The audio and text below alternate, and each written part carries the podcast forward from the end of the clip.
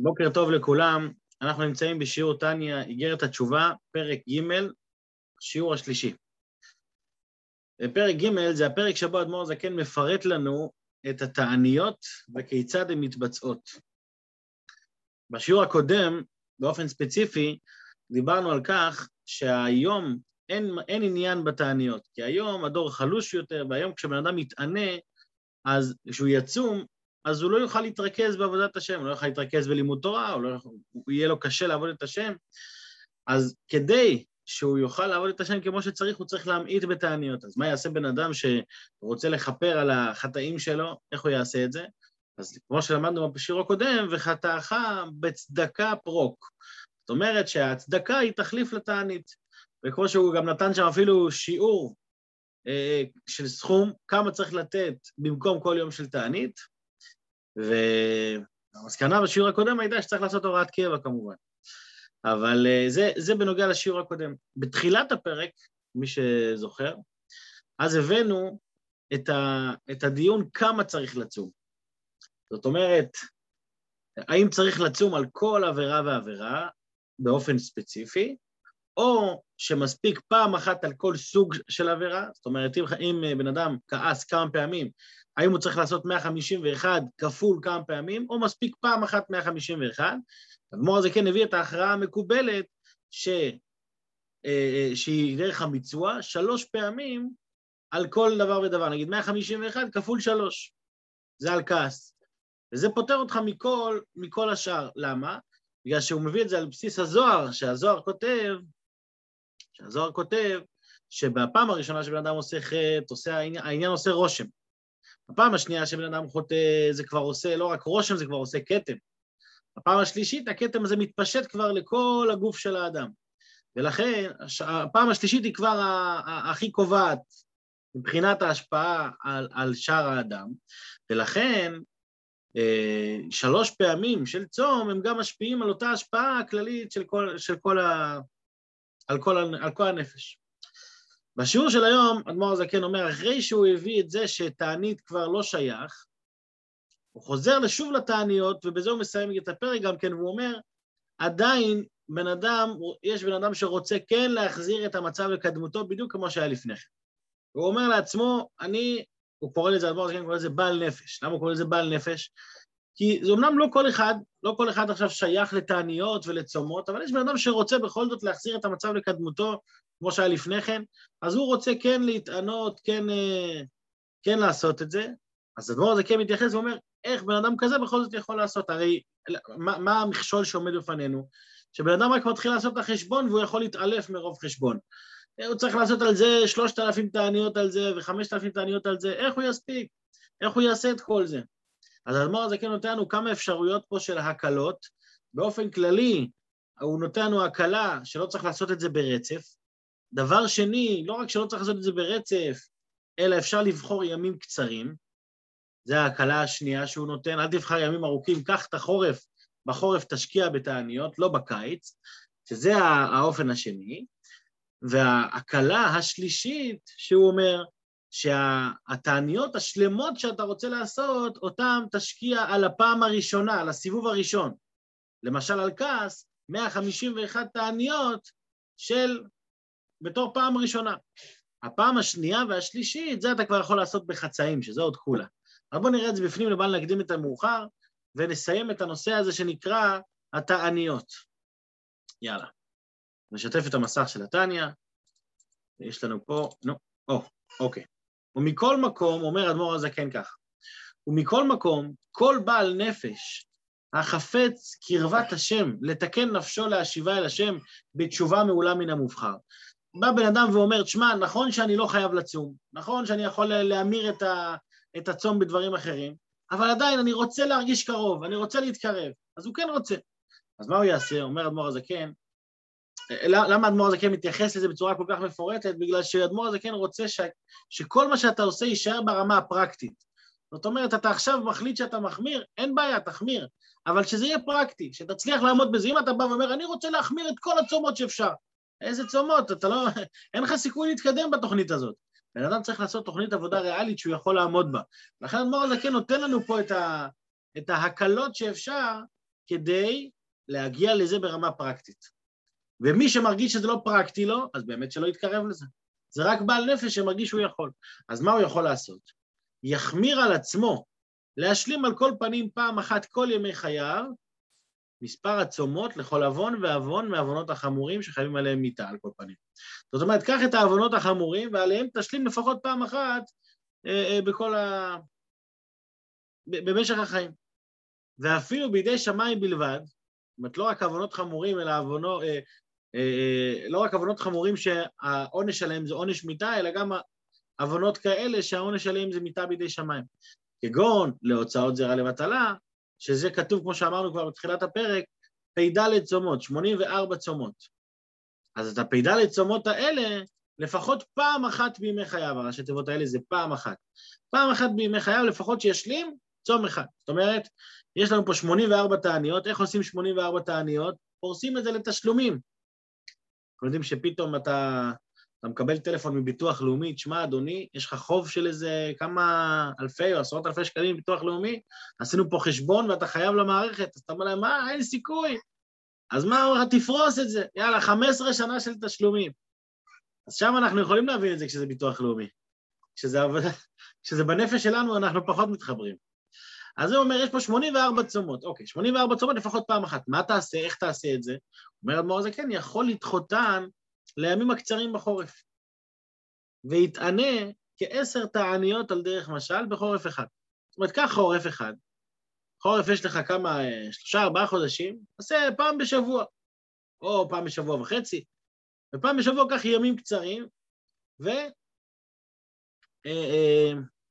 אה, אה, וככה אתה מגיע כל, אה, במשך חורף, במשך שנה אחת בעצם אתה עושה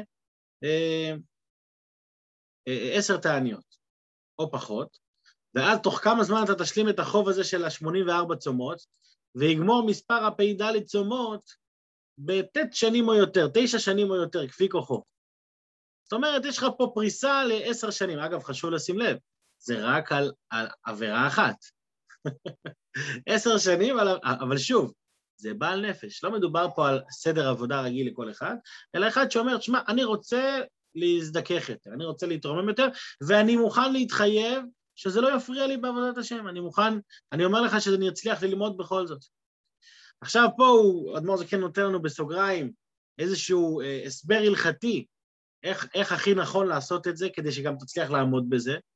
כמו שאמרתי קודם, שהדגש של האדמו"ר הזה כן פה זה הפרקטיקה, אם זה לא פרקטי אל, אל, אל תלך על זה, אז בסוגריים הוא גם נותן לי, הוא נותן לי הסבר הלכתי, איך תעשה את זה.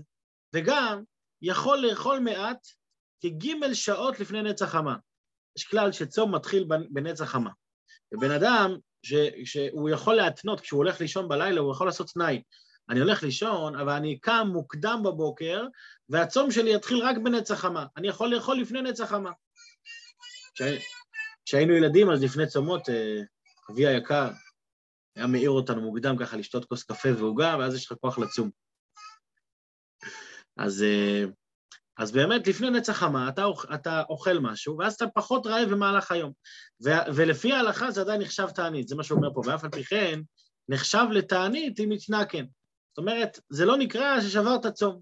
אז אתה מתחיל את היום כשאתה אחרי קפה ועוגה, אחרי ארוחת בוקר, ואתה לא רעב במהלך היום, ואז בימות החורף הקצרים אין לך כזה הרבה, בשעה ארבע כבר אתה, אתה, אתה שובר את הצום. אז לכן הוא אומר ככה, פעם אחת, 84, ייקח לך עשר שנים. אוקיי, עשר שנים, סיימת 84 צומות. אבל עכשיו מה אמרנו? אמרנו שצריך 84 כפול 3, כי זה ההכרעה המקובלת. שעושים שלוש, שזה משפיע על ההתפשטות של, של, של הכתם בכל הגוף. אז פה הוא אומר, הש, השנתה, השתי הפעמים הנוספות, בגלל שזה האקסטרה, זה לא הבסיס. הרי הבסיס, כולם מסכימים שפעם אחת בטוח צריך לעשות. אז לכן הבטוח הזה, אתה הולך על, ה, על הצום ברמה המושלמת. אבל מה תעשה עם שני הפעמים הנותרות? הרי צריך 84 כפול 3, אז יש לנו עוד פעמיים של 84. אז מה תעשה עם זה? את זה אתה יכול לדחות לחצאי צומות, שזה עדיין ישתלם לך. ולתשלום רנ"ב צומות, בשביל להגיע ל-252 צומות, כנזכר לעיל, יתענה עוד ארבע פעמים פ"ד עד אחר חצות היום. זאת אומרת, קח את זה, תחלק את זה לשניים, ויש לך פה עוד ארבע פעמים, זאת אומרת, ארבע, ארבע פעמים ח, חצי צום, עד אחר חצות היום שזה נחשב חצי בלבד, דמי עכשיו גם כן תענית בירושלמי. אגב, זה דבר אה, לא כזה מופרך, סתם אני, לא שאני מעודד צומות, אבל זה דבר שהוא לא כזה מופרך, הרי היום, היום בכלל גם ההמלצות הרפוא, הרפואיות או התזונתיות אומרים, אומרים שבן אדם הכי טוב זה להפסיק לאכול בשעה מסוימת בערב למשך כמה? 11 שעות, אם אני לא טועה. 11 או, סליחה, 12 אה, או 13, 14, אם אני לא טועה, אפילו 14 שעות. זאת אומרת, אתה מפסיק לאכול בשבע, ואתה מתחיל לאכול מחדש ב-10, 11 אפילו. אז אנחנו רואים שזה, שזה כבר לא כזה גרוע מבחינה תזונתית. אז אם תפסיק לאכול בשמונה, תשע, תתחיל לאכול ב-12 וחצי, אחד, אז סבבה, אתה כבר, אתה כבר משלים חצאי צומות. אז זה סתם, אני אומר בסוגריים, אבל ב... ב... שורה תחתונה, אתה עושה פה פריסה לחמש פעמים, שזה לפי החשבון שלנו, אם, אם הפעם הראשונה זה עשר שנים, אז כן, כמה ייקח עוד הפעמיים האלה, שזה חצאי צומות? ייקח לו כנראה עוד איזה עשר שנים. ובית חצאי יום נחשבים לו ליום אחד לעניין זה. וכן לשאר עוונות, זאת אומרת, כל זה זה לחטא אחד, לפגם אחד, אבל גם שאר עוונות אותו דבר כיוצא בהם, אבל פה אדמו"ר הזה כן מוסיף הוספה חשובה, אשר כל לב יודע מרת נפשו. מה זה לב יודע מרת נפשו? בן אדם מכיר את עצמו, כמה הוא יכול לעמוד בזה וכמה לא. ואם אתה לא יכול, ושוב, זה דגש ממש חשוב, אם אתה לא יכול לעמוד בזה, אל תיכנס לזה. זה רק למי שמרגיש בעל נפש, ומרגיש שהוא יכול באמת לעמוד בדבר הזה. אז רק אשר כל לב יודע מרת נפשו, הביטוי הזה אגב מופיע בהלכה בנוגע ל, ליום כיפור, בן אדם שהוא חולה, ויש פה שאלה ביום כיפור אם הוא יכול לאכול או לא, הוא לא מרגיש טוב. אז הרופאים קוראים לרופא, והרופא אומר, שמע, לפי איך שאני רואה את הבן אדם הזה, הבן אדם הזה יכול, יכול לצום. לא יקרה לו שום דבר, הוא סתם מרגיש לא טוב, אבל הוא, הכל בסדר. אבל החולה צועק, אני חייב לאכול, אני מרגיש שאני לא יכול יותר, אני מרגיש. אז ההלכה אומרת שלא שומעים לרופא במקרה כזה, אלא הבן אדם יכול לאכול. ולמה? כי כל לב יודע מרת נפשו. בן אדם מרגיש בתוכו מתי קצה גבול היכולת שלו. אפילו שהרופא אומר הוא יכול יותר, עדיין, וההרגשה של הבן אדם קובעת גם בעניין הזה. אותו דבר בעניין של צומות, אתה מרגיש שאתה יכול לצום, בסדר, אבל אתה לא מרגיש, תרד מזה. אז כאשר כל לב יודע מרת נפשו וחפץ בהצ... בהצעתך. הוא רוצה שהנפש שלו תהיה ברמה הכי מושלמת. כאן הדבר הזה כן מוסיף עוד הוספה, באמת, מה עושים עם ה... אמרנו שיש שלוש דעות, כן? פעם אחת על כל, על כל, ה... על כל עבירה כללית, שלוש פעמים, ועל כל עבירה ועבירה בנפרד. אוקיי? שלוש... אה, אז, אז הוא אמר, הפעם אחת אתה עושה את זה בצורה מושלמת בחורף בימים הקצרים.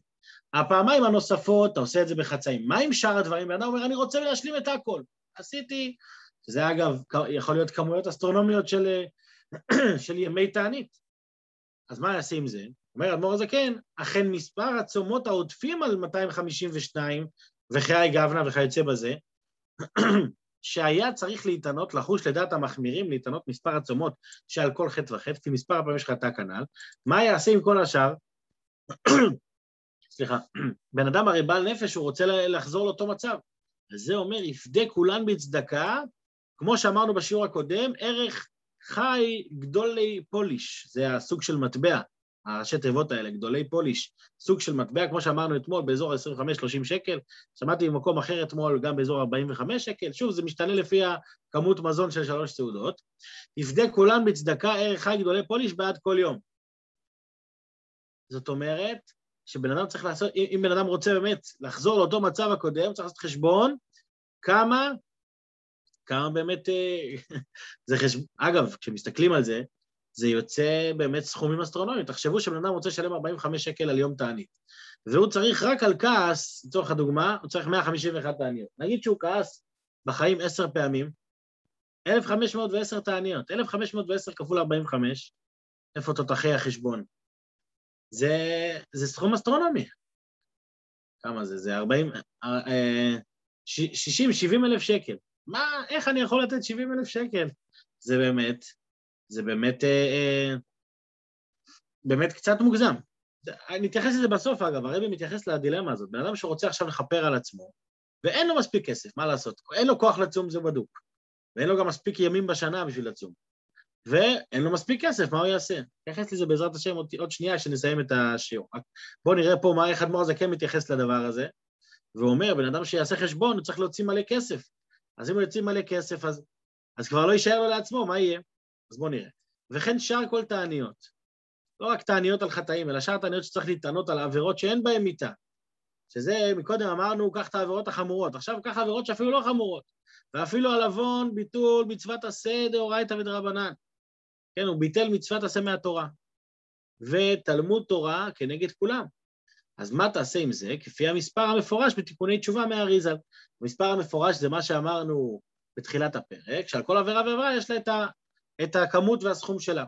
ורובם נזכרים במשנת חסידים במסכת התשובה. מה יעשה אותו בן אדם? הכל כאשר לכל יפדה בצדקה כנזכר לאל, היא לא מצי לצעור נפשי, אם הוא לא יכול לצער את נפשו כנזכר לאל. נשאלת השאלה, ואף שיעלה לסך מסוים, כן, מזכיר קצת את הלשון בכתובות, סך מסוים, אף שיעלה לסך מסוים, אז בן אדם מרגיש, וואלה, זה, זה באמת הרבה מדי. ויש הלכה, זה מתנגש עם הלכה אחרת. מה ההלכה אומרת? שמי שרוצה לתת הרבה צדקה, גם, גם לצדקה יש גבול. בן אדם רוצה לפזר עכשיו צדקה.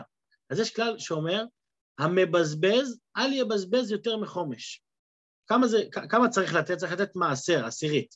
אבל יש כאלה שרוצים לתת יותר מעשירית, יש כאלה שנותנים חמישית. מה זה חמישית? זה 20 אחוז. 20 אחוז מכל ההכנסות שלי לצדקה, שזה הרבה. אבל ההלכה אומרת, אל תבזבז יותר מ-20 אחוז. למה? כי בסופו של דבר בן אדם צריך שיישאר לו לצורך חיי נפשו, שהוא יוכל לחיות, שיהיה לו איך להתקיים. אז המבזבז היה לבזבז יותר מחומש. אבל פה, לפי החשבון שלנו יוצא, שאתה דורש ממני פה, אם, אתה, אם אני רוצה חתכה בצדקה פרוק, אני צריך לתת הרבה יותר מחומש. כי מדובר פה על אלפים וסכומים גדולים, אז איך זה מסתדר עם הכלל ההלכתי של המבזבז אל יבזבז יותר מחומש? אומר האדמו"ר הזה, כן, אף שיעלה לסך מסוים, אין לחוש משום אל יבזבז יותר מחומש. זה לא מקרי בזבוז בחיי גבנה, זה לא נחשב בזבוז, מאחר שעושה לפדות נפשו מתעניות וסיגופים. זה לא, קשור, זה לא קשור למצוות הצדקה, מצוות הצדקה זה עניין אחד, זה עד חומש. אבל בן אדם שרוצה לכפר על נפשו, זה כבר לא קשור לצדקה. הוא מביא, הוא מביא לזה דוגמה, ולא גרעה מרפואת הגוף, זה לא גרוע יותר מרפואת הגוף ושאר צרכיו. אם בן אדם עכשיו, חס ושלום, חולה, צריך לעבור ניתוח, והניתוח עולה מאות אלפי שקלים. הבן אדם ייקח הלוואות, הבן אדם יהפוך את העולם כדי להשיג את הכסף, ואז מה תגיד לו? היי, המבזבז על יבזבז יותר מחומש, איך אתה, איך אתה מוציא כאלה סכומים של כסף על, על ניתוח? מה הוא יגיד לך? מה זאת אומרת? זה, זה החיים, זה הבריאות שלי. אותו דבר בן אדם שרוצה באמת לכפר על נפשו. כמו ניתוח בגוף, יש גם ניתוח בנשמה. והניתוח בנשמה הוא מעניין, איך שהוא נוגע בכיס. אז כאן כבר לא, לא תקף הכלל אל יבזבז יותר מחומש, כי זה כמו שיש רפואת הנפש, כך יש רפואת הגוף. מסכם אדמו"ר הזקן ואומר, ולפי שמספר הצומות המוזכרים בתיקוני תשובה הנזכרים לאל רבו במאוד מאוד, לכן נהגו עכשיו כל החרדים לדבר השם להרבות מאוד מאוד בצדקה, מחמת חלישות הדור דלא מצו לצעורי נפשם כולי היי. זאת אומרת, תתרגל לתת תמיד צדקה, כדי שלפחות מה שתצליח, תכפר בזה. וכמו שכתוב במקום אחר על פסוק, חסדי השם כי לא תמנו, מה כתוב? לכאורה בפסוק הזה יש משהו לא ברור. חסדי השם, אתה מודה להשם על החסדים שלו, אז איך היה צריך להיות כתוב? חסדי השם כי לא תמו. מה זה, מה זה תמנו? תמנו זה, זה פסקו, נכון? אז, אז לכאורה תמו בלי, ה, בלי הנון. חסדי השם כי לא תמו, הם לא פסקו, הם לא הפסיקו. אלא שהמשמעות של הפסוק הזה היא אחרת. למה אני צריך את חסדי השם? למה אני זקוק לזה שהוא ירחם עליי וייתן לי מחסדו הגדול? בגלל שלא תמנו. מה זה תמנו? מלשון תמימים. בגלל שאני לא תמים, אני לא מושלם, אני צריך את חסדי השם. זה פירוש אחר לפסוק לגמרי, אבל מה הוא מתכוון להגיד? בגלל שאני לא מושלם, אז לפחות אני כל הזמן עוד משתדל לתת צדקה כדי לכפר על, על הדברים שלי. עכשיו אני רוצה להוסיף פה הוספה חשובה לסיום, שזה עוד בזמן של אדמו"ר הזקן. גם ההבדל בין הזמן של אדמו"ר הזקן לזמן שלנו הוא גם הבדל של בן ארוך. בזמן של אדמו"ר הזקן אנשים היו בסך הכל אנשים שומרי מצוות, אנשים שגדלו בסביבה אה, אה, יראת שמיים, מה שנקרא, טבעית שהייתה לכולם, ועם כל זה אדמו"ר הזה כן אומר שאי אפשר אה, לצום כל כך הרבה. אז מה אנחנו נגיד שאנחנו נמצאים 250 שנה אחרי, הדור הרבה יותר חלוש, ו... והרבה יותר ירוד גם מבחינה רוחנית ומוסרית, אז אנחנו במצב אחרת לגמרי. ולכן יש לנו את הרבי שלנו, הרבי מלובביץ', שהרבי אמר שבדור שלנו, גם מה שהאדמו"ר הזה כן מדבר, זה עדיין ברמה גבוהה. גם אנחנו לתעניות לא שייכים בכלל. כל מה שהאדמו"ר הזה כן אומר פה, בעל נפש, וכל הדברים האלה, לא שייכים לכל זה בכלל, בכלל. בן אדם לא צריך להרגיש בעל נפש ולהתחיל לעשות תעניות. למה? כי הדור שלנו צריך להתעסק בעיקר בעשה טוב. את הסור מרע הזה של התעניות, הרי בדוק שזה יפריע לך בעבודת השם, אז אל תתייחס לזה, זה דבר ראשון. וגם הנקודה הזאת של הצדקה, הבטחתי שאני אתייחס לזה, בן אדם עושה חשבון, שמע, אין לי כסף, אין לי כאלה סכומים, מה אני אעשה? אומר הרבי, בן אדם כזה שבהשגחה פרטית הוא רואה שאין לו את הסכומים האלה, כנראה שהקדוש ברוך הוא לא מצפה ממנו לכאלה סכומים גדולים. אז מה כן? אתה תעשה מה שאתה יכול. כל אחד יעשה מה, ש, מה שביכולתו, איך, איך אמרנו קודם, כל לב יודע מרת נפשו. הקדוש ברוך הוא יעשה מה שהוא יכול כדי לסלוח לך, כי הוא אה, אה, אב הרחמים ורב לסלוח, והוא יסלח לכל אחד ואחד. אז, אז עם כל זה, אז נשאלת שאלה גדולה. אז למה למדנו את כל פרק ג'? אם אתה אומר לי שהיום זה לא שייך, והיום כמה שאתה יכול, ומוותרים לך, אז למה נתנו לי כזה פרק ארוך שמדבר איתי על כל כך הרבה עניינים כאלה טכניים של צומות? מה התשובה? התשובה היא, יש, יש, יש אמרה כזאת שאומרת, כל העוסק בתורת עולה כאילו הקריב עולה. זאת אומרת שבן אדם לומד איזשהו חלק בתורה, אפילו שהוא לא יכול לקיים אותה, תורת עולה זה הקורבנות. כשאני לומד בתורה על הקורבנות, אז נכון, אני לא יכול להקריב קורבן בבית המקדש, אבל נחשב לי, הלימוד נחשב לי כאילו הקרבתי קורבן בבית המקדש. אותו דבר בעניין הזה, אנחנו לא יכולים לצום, בקושי צדקה יכולים לתת. אז לפחות תלמד על הנושא הזה. כשלמדנו על הנושא הזה בפרק ג', כל העוסק בתורת העניות, כאילו התענה. כל העוסק בתורת אה, צדקה, בכמויות הגדולות האלה, כן? כאילו נתן צדקה. שוב, זה לא שולל את ההוראת קבע, זה ברור, כל אחד צריך לעשות. אבל בכלל, הוספה בצדקה זה דבר טוב. אבל לפחות עצם הלימוד והעיסוק בזה זה כבר חלק מהעניין. בעצם בסיום פרק ג' אנחנו מסיימים פה את החלק הראשון של איגרת התשובה, החלק שבו אדמו"ר הזקן מבאר מבחינה הלכתית והיא מה שנקרא יבשה כביכול, מבחינה בתורת הנגלה, מה זה תשובה? תשובה, הוא דיבר בפרק א', המהות של התשובה, עזיבת החטא בלבד, ובנספחים של פרק ב' וג' הוא דיבר על התעניות ועל המשמעות שלהם כחלק משלמות הכפרה, משלמות התשובה. אבל לפחות כאן הקפנו, בפרקים א', ב' וג', הקפנו את הנושא של תשובה על פי ההלכה, על פי ההלכה בפירוש של אדמו"ר הזקן, אבל עדיין זה לא מדובר פה על הפנימיות. לא דיברנו על מה זה תשובה לפי הקבלה, מה זה תשובה לפי החסידות.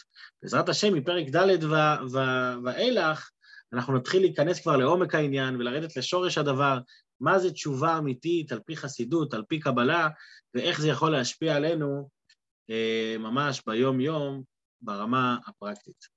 שיהיה בינתיים לכולם יום טוב, יום מוצלח, ויישר כוח לכל המשתתפים הקבועים, נותנים כוח להמשכיות לשיעור הזה. יישר כוח. תודה רבה.